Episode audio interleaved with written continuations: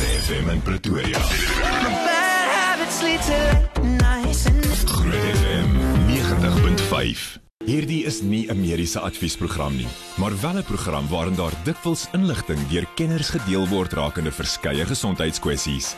Vir persoonlike raad of advies, raadpleeg jou mediese dokter of sielkundige. Groot trauma met Pieter Kloete en dokter Jaco van die Kerk op Groot FM 90.5.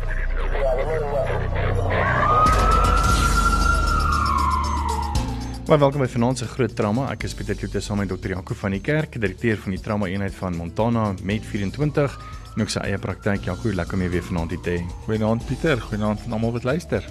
Ons vals maar by die deur in die huis. Dit lyk vir my dat dienste en ek moet sê hierdie artikel sê dienste word gou weer beskikbaar maar die hospitaal in Noordwes brand. Dis ehm um, die staatshospitaal daar in Christiana. Ja Pieter, ehm um, die brand was al in September 2021, so ons is nou al 'n paar maande daar weg. Uh die ehm um, departement gesondheid het dan nou gesê dat daar vooraf vervaardigde geboue gaan binnekort by die staatshospitaal in Christiana dan opgerig word sodat dan die noodsaaklike gesondheidsdienste hervat kan word ehm um, nadat daai hospitaal beskadig is of erg beskadig is in 'n brand. Ehm um, hulle sê die gebou sal dan nou die mediese produkte wat wat dan gestoor moet word kan huisves asook dan nou die die hospitaaldienste ehm um, wat dan die geboue dan sal vervang totdat en of tot en met die die hospitaal herstel is. Nou die hospitaal is maar 'n 50 bed hospitaal met twee klein teaters vir klein klein chirurgiese prosedures. Ehm um, en die term gou vir of of gou weer in diens of gou weer beskikbaar is eintlik half half eintlik tong in die kies dink ek want hulle sê hulle beoog om einde van die jaar die hospitaal herstel te kry. So is dit 'n jaar en 'n half amper vat om hospitaal te herstel en hulle sê ook daar die brand het groot skade gemaak maar dis minder as wat hulle gedink het um aan die struktuur van die hospitaal um was en dat die mure ensovoorts nog gaan staan.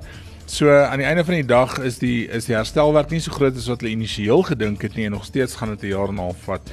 Um Christiana is 'n klein area of 'n klein omgewing, baie plattelands en daar is nie ander dienste nie. So ek dink dit maak 'n groot verskil vir daai mense. Dan iets wat my oog gevang het, Jaco, en ek dink dis nogal kommerwekkend, dis dat Medikliniek se personeel gewaarsku na drie voorvalle. Wat het daar gebeur? Ja, Pieter, um, Mediclinic Suid-Afrika het dan 'n waarskuwing um uitgereik aan hulle aan hulle dokters en verpleegpersoneel, eintlik al hulle al hulle personeel wat in hulle diens is. Um en die voorvalle wat wat plaasgevind het is 3 wat dan of 'n pasiënt aan die verkeerde kant geopereer is of die verkeerde pasiënt geopereer is of die verkeerde prosedure op die verkeerde pasiënt gedoen is.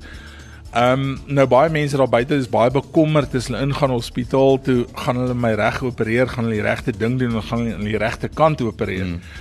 Ehm um, en daar's baie strukture in plek om te keer dat daar sulke foute plaasvind. Ehm um, die eerste ding is jou chirurg sien jou die oggend voordat jy jou operasie kry en bevestig die kant en bevestig die operasie. Die narkotiseer sien jou.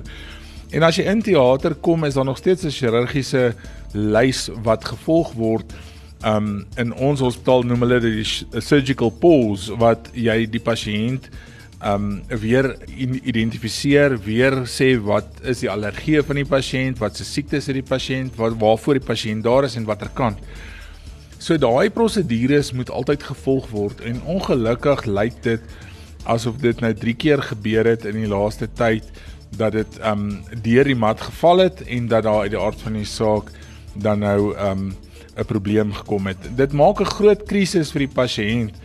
Ehm um, want dit maak skade, dit maak dit finansiële implikasies, maar dit maak ook 'n groot probleem aan die reputasie van van die betrokke spesialis en die van die hospitaal waar dit gebeur. So ek dink nie mense daar buite moet nou bang wees om hospitaal toe te gaan en geopereer te word dat hulle verkeerde kant gaan doen nie. Ehm um, ek dink net dit is net om mense ook weer bewus te maak dat hulle ook self 'n verantwoordelikheid het om seker te maak en met mense te praat in teater en voor teater oor wat is hulle prosedure en watter kant geopereer moet word. Wat beteken dit? Ek weet nie of julle die die term gebruik 'n never event. Wat beteken dit? 'n Never event is eintlik 'n um, 'n proses om hierdie gebeure van verkeerde kant opereer of verkeerde pasiënt opereer met die verkeerde prosedure te voorkom. So dis 'n veiligheidslys wat elke individuele hospitaal het en dit varieer van hospitaal tot hospitaal en van hospitaalgroep tot hospitaalgroep. Um waar die die personeel deur letterlik 'n lys moet gaan van die dokter dwarsdeur tot in die teater uit um om seker te maak dat die regte prosedure op die regte pasiënt gedoen word. En uit die aard van die saak het hierdie never event proses in hierdie drie gevalle nie plaasgevind nie en dit maak 'n groot medies geregtelike probleem, maar ook dan 'n probleem en skade vir die pasiënt. Uh, ons het um, ek en jy en Esmeralda het uh, eendag so 'n bietjie op 'n op 'n spookbus gegaan en ons het toe gestop by 'n krematorium en uh by die krematorium daar in Pretoria Wes het hulle letterlik 'n bord met goed wat hang daarvan, goed wat hulle nou al reeds in pasiënt gekry het wat dan ehm um, vir veras is en baie van dit is letterlik mediese toestelle. Ja, goed soos heupvervangings, knievervangings, ehm um, jy weet kleppe, enige protese baie keer sal nie met 'n verrassing vernietig word nie. Dit word wel gebrand en beskadig, so dit mense hoef ook nie bekommerd te wees dat dit op die swart mark ehm um, beskikbaar sal wees nie. maar ehm um, daar's definitief ehm um, van hierdie goed wat agterbly as 'n persoon dan veras word. Dan ook ehm um, lyk my Limpopo 14 miljard rand se eise weens beweerde mediese nalatigheid. Ek meen dit is net Limpopo. Ja, Pieter, dit is dis eintlik 'n groot probleem. Um ek dink dit is ook 'n politieke ding, 'n politieke speelbal tussen die verskillende partye.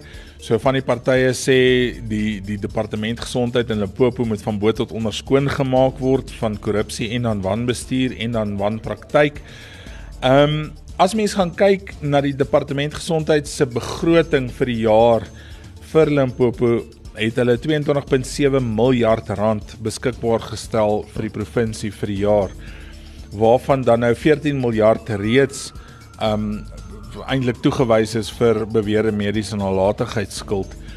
Um daar's 'n groot probleem in terme van die staatshospitale in terme van tekort aan personeel, tekort aan toerusting, tekort aan nuwe toerusting en baie keer gebeur komplikasies. Ek dink daar's 'n groot probleem ook om te onderskei tussen wat is 'n komplikasie en wat is nalatigheid. Komplikasies gebeur en ongelukkig is dit in niemand van ons se se se vermoë om dit te keer nie. Nalatigheid uit die aard van die saak dink ek is is ook nie net altyd die gesondheidswerkers se probleem nie. Ek dink is ook die die die toestand van die van die die die die ehm um, instrumente en die en die toerusting waarmee hy moet werk. Um een van die voorbeelde daar is dat 'n baba gebore is met serebrale verlamming as gevolg van uit die aard van die saak geboortekomplikasies en of nalatigheid waarvan 'n eis van 55 miljoen ingestel is. Die familie het net 3 miljoen rand gekry. So aan die einde van die dag is daar so baie sulke goed wat gebeur wat ek dink ook moeilik is om te bewys is dit nalatigheid of is dit 'n komplikasie. Punt van die saak is 14 miljard rand uit jou 22 miljard rand wat weg is, beteken dat daar nog minder geld beskikbaar is vir die toekoms en vir die jaar wat voorlê en dit maak net dat daar minder mense betaal kan word, minder nuwe toerusting gekoop kan word en dit maak jou risiko aan die einde van die dag net nog meer. Ja, as baie skokkend en dit lyk my dat weet die regslyf wat nogal meer of jy groot groot uh, meerderheid van daai geld. En dan kom ons sluit maar af vir Jaco met die volgende artikel. Ek weet uh, baie privaat dokters en baie mense um, in die publiek is ook baie baie gekant teen die nuwe nasionale gesondheids ehm um, versekering. En volgens ehm um, Dr Nicolas Crisp sê hy dat die staat sal 164 miljard rand moet vind iewers vir hierdie plan. Ja, ehm um, as jy mens gaan kyk na die navorsing sê hulle die nasionale gesondheidsversekering um, as dit in 2026 soos beplan in werking tree, kan die regering met 'n begrotingstekort van sowat 164 miljard rand sit. Um, 'n tekort wat dan sal uitloop op 'n dramatiese verhoging in in Suid-Afrikaanse belastingbetalers se belastingprobleme.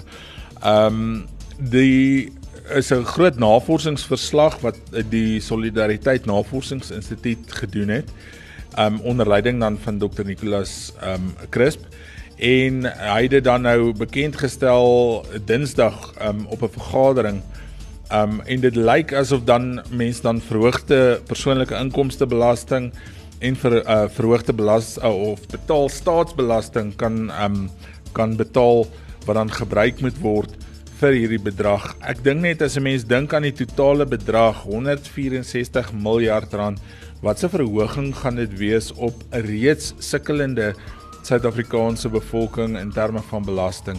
Um ek dink regtig waar is mense gaan kyk na die die verhogings wat hulle dan na kyk dink hulle aan 'n verhoging van BTW van 15% wat dit tans is tot 20%. Um betaal staatsbelasting van 3.85% korporatiewe belasting wat van 27% tans tot 42% verhoog kan word en dan 'n bobelasting van 24% wat ongelooflik is. Ek dink dit is net totaal en al ehm um, on, on onrealisties mm. om te dink dat dit in in 2026 so kan gaan.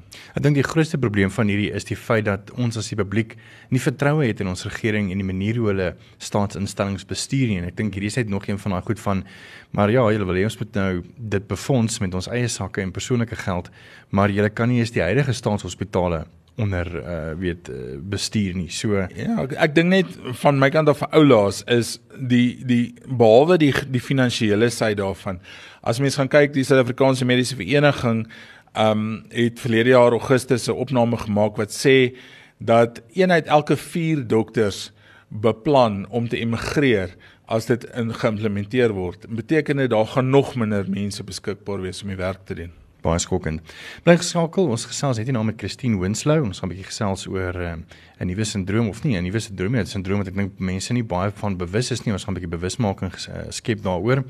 En dan ook as jy enige vrae het vir dokter Jaco van die kyk aan die einde van die program, is jy minstens welkom jou mediese vrae vir ons te stuur by 061 610 4576 onthou standaard tariewe geld. Groot trauma op Groot FM 90.5.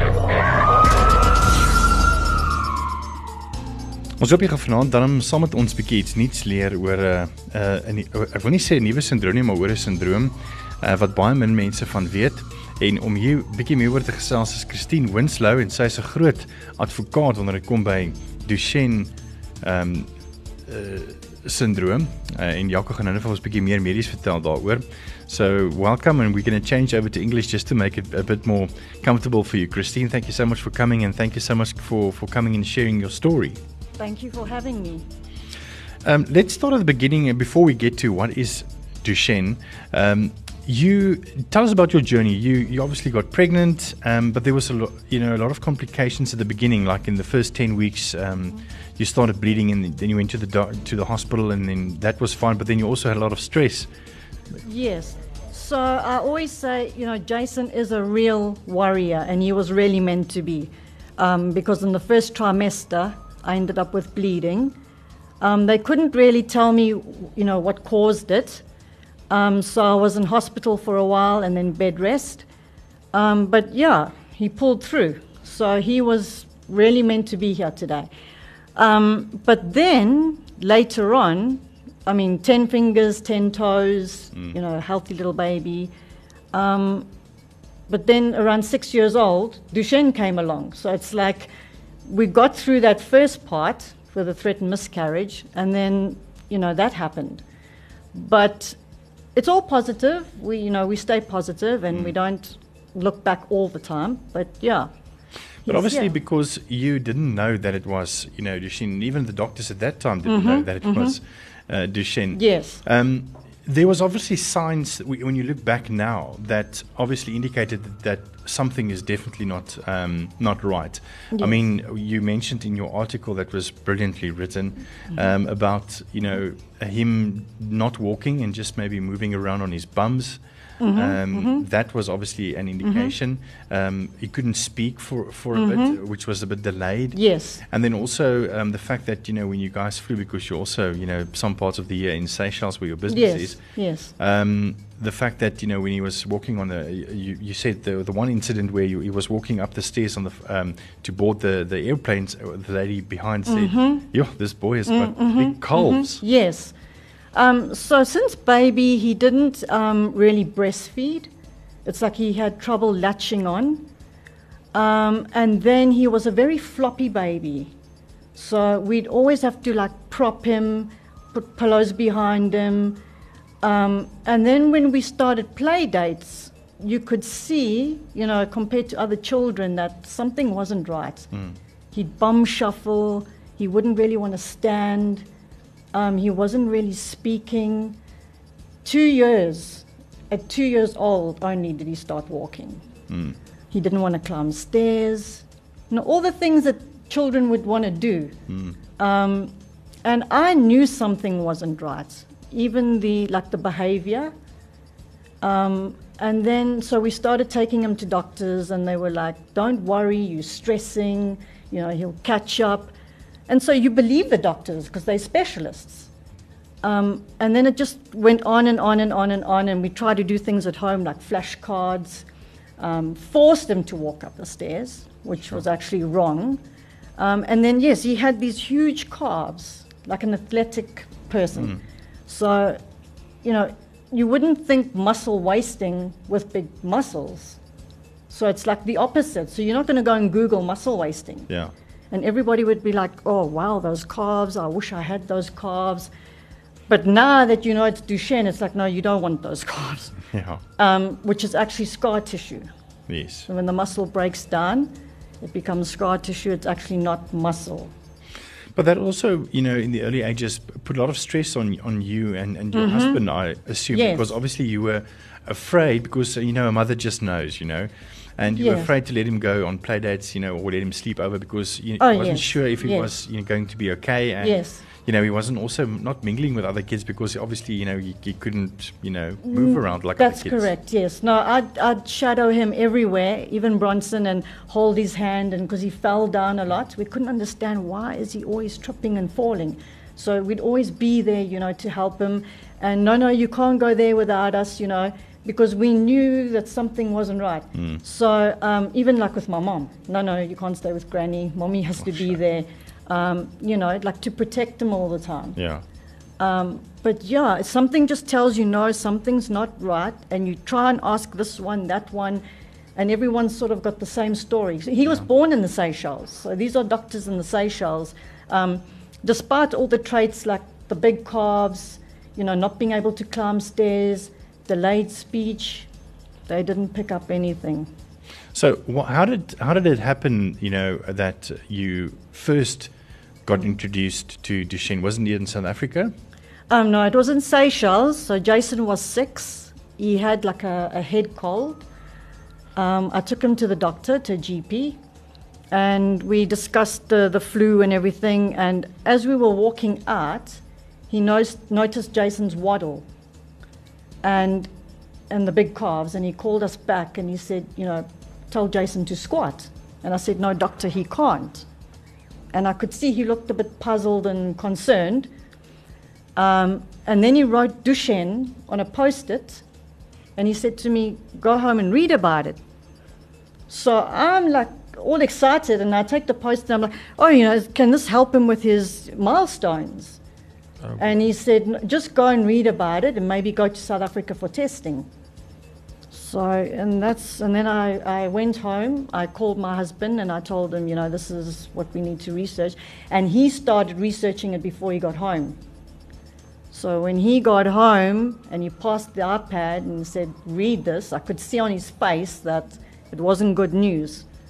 So it, it wasn't nice to be, you know, told like that. Yeah. It's like, you know, writing cancer down and saying, this is what you have. Yeah, yeah. Now go and sort it out. I mean, you would have think that you know the doctor would say, "Listen, I would like to see you and your husband See tomorrow." us together, Yeah, yes, and then and explain. explain it a little Yeah. bit. But just to give you that, Oh my and word! And then you know, obviously, Doctor Google, you know, uh, yes, and then you read all the things like fatal, Mm. incurable, you know, uh, late twenties, you know, lifespan, and all these things, and it's, you know, but you're so confused at the time, and like everything's crumbling, Mm.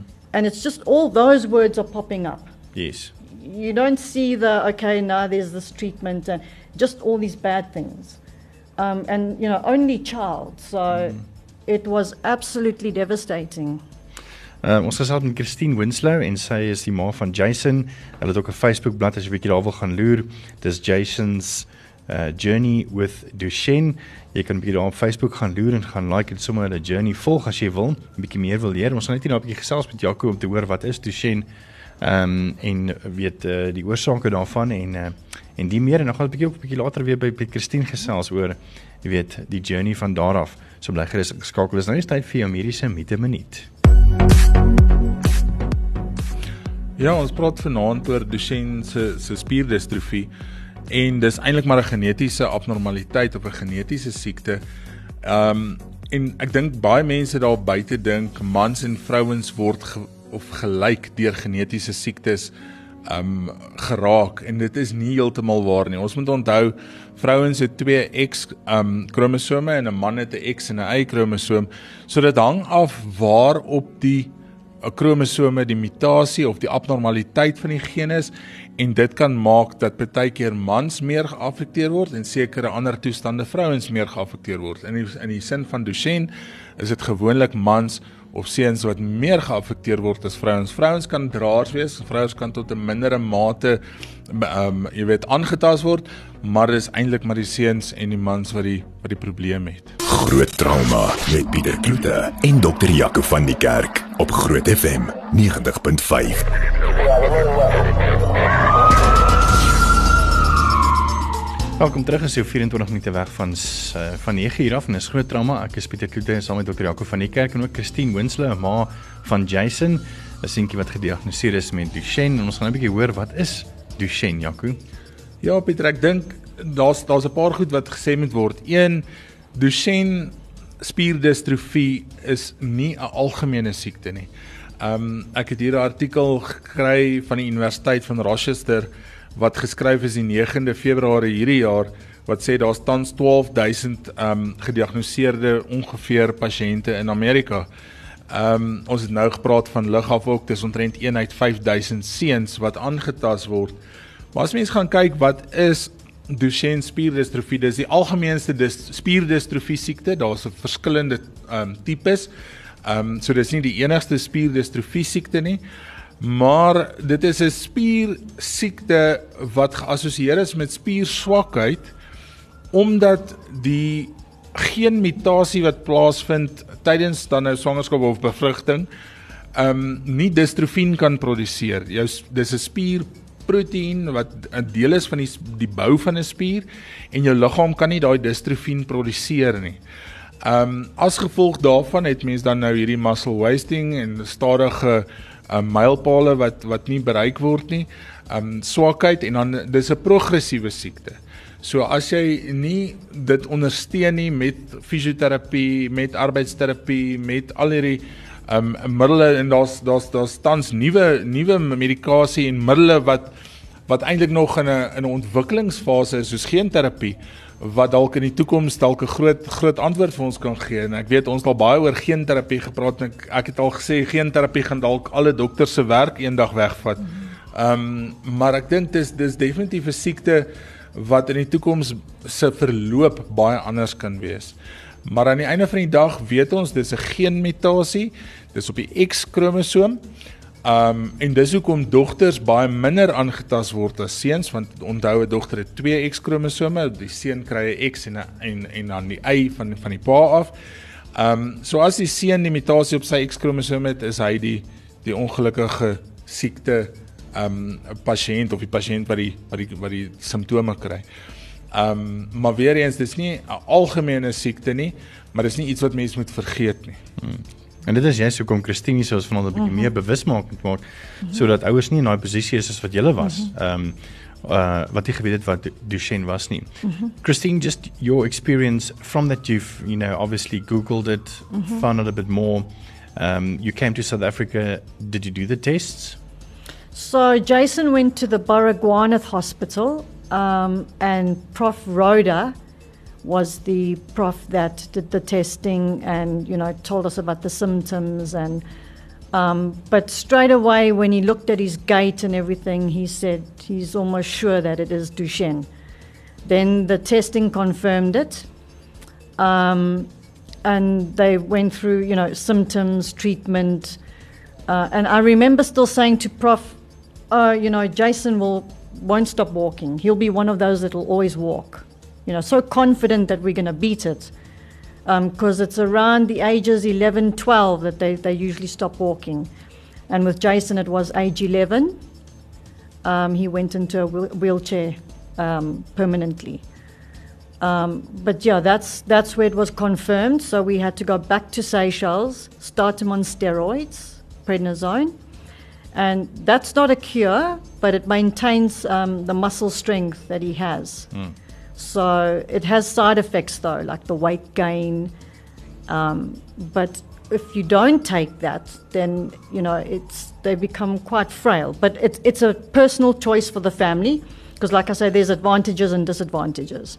So some choose to take it, and then others don't. Uh, Jason does take it daily, um, and then hydrotherapy he does twice in the week in the water with a biokineticist water is actually the best exercise because it's not strenuous on the muscles. It's very gentle. So you just want to stretch those muscles gently and almost like remind them to keep moving. Mm. Because if they just in a chair all day, every day, that's when the contractures start and they end up not being able to move their legs and it becomes like a fixed position. So, yeah, so we have to do hydrotherapy and then he homeschools. It was easier for him to homeschool because finding a school, he's also on the autism spectrum. Um, people don't realize that Duchenne, the dystrophin, also affects the brain. So a lot of the boys end up with autism. Um, so he's, he also has a little bit of that. So it's, it's quite a challenge because it's the disability and autism. So he wasn't a mainstream school, but it was very difficult. Um, you know, the learning side, uh, the disabilities, the school wasn't equipped, you know, with a lift. And so it's like an endless. And, and with Duchenne, it's not just the skeletal muscles, um, it's the heart and the diaphragm, the breathing muscle, because it's, it's all muscles. So it's it's everything. So as soon as you think you're over one hurdle, it's the next one and the next one. I mean, he's got to see a cardiologist, pulmonologist, ophthalmologist, because with steroids they also get cataracts. So you got to watch for cataracts. So you know, it's like an, a pediatric neurologist, and then he's got to do a sleep study every year. Um, already he is on a BiPAP because he's got shallow breathing. Um, it's different for each boy, though. They're not all exactly the same. Some will be on a BiPAP, some others won't. Um, but yeah, it's it's like it's a disease where it's like every part of the body. You know, it's because, like I said, it's the brain, it's the heart, the lungs. You know, there's not. It's not like th- another disease where you just like you know um, focusing on one little thing. So it's a very costly journey because medical insurance they'll tell you well it's not life threatening when it's actually fatal. So a lot of the things they don't cover, like the hydrotherapy. Um, so it's families in South Africa really struggle, whereas overseas they they get their chairs um, given to them through the insurances. Here we had to fundraise for Jason a specialized wheelchair for him with head sensors and um, uh, touchscreen remote, and that's like 700,000 Rand, Sure. which we managed to, to get with Backer Buddy. And it's, it's very, very costly. So the stress of the, the journey, watching your son get weaker, and then the financial stress, a lot of families actually end up, you know, breaking up Yeah. because of it. But he's also very feisty. I mean, I saw some of the pictures that that, that you sent us. I mean, he uh, participated, you know, in in in um, cycle races. you know. Yes, obviously not yes. cycling himself, but I mean, he was there. His daddy pulling there. him, yes. and also, you know, he's also, you know, got that side where he wants to give back, you know, um, to other people. Yes, he's got a very big heart. Um, he doesn't understand everything about the disease because we feel like we don't want to burden him and, and make him negative, and so we kind of tell him what he needs to know as we go along. But um, mental health, for me, I always tell people is important. Oh yes. So we're very positive. We don't tell him, you can't do that, you can't do that. he cycles when we go snorkeling. He's in his water wheelchair. Um, he, he did zip lining. You know, whatever we do, we try and adapt it so that he can do it. Um, and so mental health is, is very important. Like, there's something I always tell the parents, like with the bathroom, he didn't have rails in the beginning, so he was actually anxious to use the bathroom, and he ended up being in hospital with fecal impaction. Whereas if he had the rails, that wouldn't have happened. It's all mental. So you've always got to be like one step ahead. You know, um, they tend to be very anxious, but with Jason, we try and you know just the positive. So he he is, you know, he he tells us that when he's 18, he's moving out. um, he's going to have a wife, and, and then we encourage it and we tell him, yes, why not? You know, we don't tell him, no, no, no, no, you know, yeah, you're going to have a wedding, and, you know, so he needs to have dreams like everybody else. Exactly. Yes. Because I mean, who knows what the future is for them anyway tomorrow? I mean, I might not. Tomorrow, I always tell people when they say to me, oh, but how do you stay positive? Tomorrow's not guaranteed for anybody. Exactly. You can go home this evening and something can happen. yeah. So that's how we, well, I personally look at the journey is you don't just, I mean, Duchenne is there in your face all day, all night. Mm. But you try not to just focus on that because, you know, it would be unfair for him and it doesn't do us any good. Yeah, yeah. So, yes, I mean, I could have something wrong with me and I don't know. It's just because we know about the Duchenne that we focus on that all the time. And um, you also have a Facebook page that you, you know, obviously Mm-hmm. um, share Jason's life and what he does. Uh, Yes. That's Jason's. Let me just double check and make sure that I've got Jason's it. Jason's journey, journey. with Duchenne. Yes. So I've been doing that page since diagnosis. So it's like seven, eight years. Sure. Um, I post almost every day, medical stuff, um, our experiences, um, good and bad. It's no point just showing all the good stuff. So, you know, we explain his his medical things, his appointments, and so many people around the world follow us. Hmm. As far as Trinidad and Tobago, Iceland, you know, and they'll message and say, hmm. "Gee, thank you for sharing that." Like little things hmm. um, that they don't really share. You know, like when you Google, because it's like your own experiences. So it's coming from another mommy. Um, yeah, and he's got tons of followers. So it makes me happy to because when when it happened, Bronson and I were in the dark. We nobody knew what it was. Well, literally a little sticky note with, with a name Yes. on it. I mean, you had to go and Google it. Yes, and so I just want other families if they if they see those symptoms to at least you know ah Duchenne let's go and test and not leave it you know till he's six or seven No. um, because treatment early treatment is important. So that's why I raise awareness you know to help other families. Christine, it was lovely to chat to you. Thank you so much for coming Thank in and you. your husband coming in as well tonight uh, Yes. with Jason sitting downstairs. Thank you for helping us raise awareness. You're welcome. En ehm um, jy's welkom. Gaan besoek hulle Facebookblad en uh, stuur hulle sommer 'n lekker boodskap van bemoediging. Dis Jason's Journey with Duchenne. Jy kan dit daarso soek op Facebook en ehm um, gaan like hulle en en volg ook hulle journey wat lê. Thanks. Uh, Christine. Thank you. Met die volgende program bo Groot FM 90.5 om jou as luisteraar met die nodige inligting oor 'n spesifieke onderwerp te voorsien. Alhoewel hierdie inligting dikwels deur 'n kenner op die gebied gedeel word, word jy aangemoedig om jou mediese dokter of sielkundige te besoek vir persoonlike advies of raad. Groot trauma met Pieter Kloete en dokter Jaco van die Kerk op Groot FM 90.5. was nou baie insiggewende gesprek oor Duchenne met uh, Christine en Jaco. Dis ongelooflik. Ek dink mense kan net opsom deur te sê dis belangrik om 'n vroeë diagnose te hê. So as jy wonder of jou kind sy mylpale bereik en jy's nie seker nie, gaan vra iemand en vra iemand wat jy vertrou. Um toets daarvoor as jy as jy so dink, want hoe vroeër jy jou diagnose maak, hoe beter. En die tweede ding is wat ek dink ons baie mooi aangeraak het is en ons het laasweek van die multidissiplinêre span gepraat. Um as mens so 'n diagnose kry, is dit nie net een mens wat betrokke is by die behandeling van so 'n persoon nie. Um die derde ding dink ek wat wat ons mooi aangeraak het is positiwiteit. Jy weet, ons het gesê dis 'n siekte van alle spiere, so ook die hartspier, so ook die asemhalingsspiere. En as mens dan komplikasies kry en jou rede vir sterfte is dan gewoonlik jou hart of jou of jou asemhaling wat dan wat dan staak.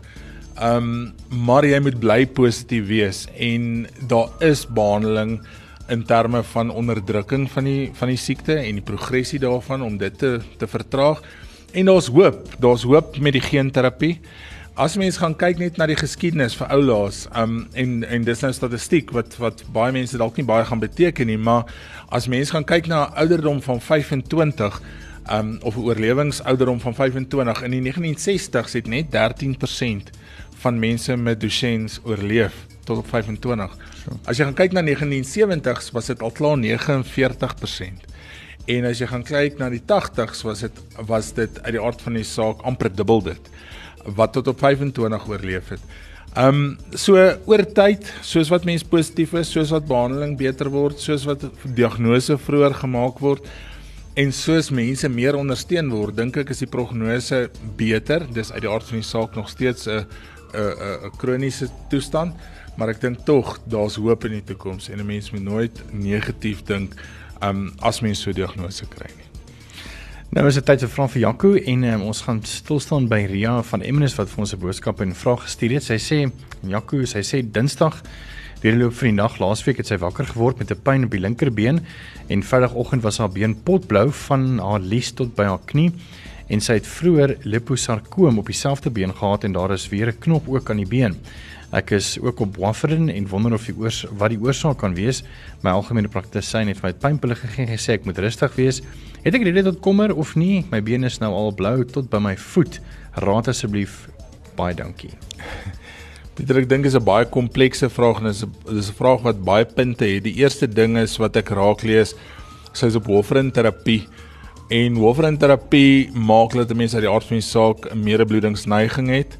Ehm um, so daar kan bloeding wees in vate, so die knop kan van bloeding wees. Dit kan 'n vena wees wat gebars het en dan gaan 'n mens se been blou wees. Ehm um, en dit is dan waar algemene praktisyn waarskynlik gesê het sy moet net rustig wees. Dis die een ding. So mens moet gaan weet wat is haar INR of haar international normalized ratio of haar stollingsprofiel as gevolg van die hoofrin gebruik. Wat bietjie pla is die feit dat ehm um, sy liposarkoom gehad het en daar's weer 'n knop aan haar aan haar been. Ek dink tog dis die moeite werd. Ek sou ten minste 'n sonar doen of vra vir 'n sonar as 'n mens weet daar's 'n geskiedenis van 'n maligniteit of 'n of 'n tumor. Ehm um, en en net dit 100% uitskakel. Mense het altyd as mense so diagnose gehad het soos liposarkoom, sal mense altyd wonder in jou agterkop as jy weer 'n knop kry, is dit nie dalk terug of jy weet uh, weer weer daar nie. Ehm um, maar waarskynlik met 'n blou blou been met warfarin terapie, waarskynlik 'n bloeding. Die ander oorsake vir blou bene is gewoonlik gepaard gaan met erge erge pyn. Ehm um, en dis gewoonlik arteriële afsluiting, maar dis 'n ding wat 4 tot 6 ure en dan is jou been eintlik dood. Ehm um, so ek twyfel of dit dit sal wees.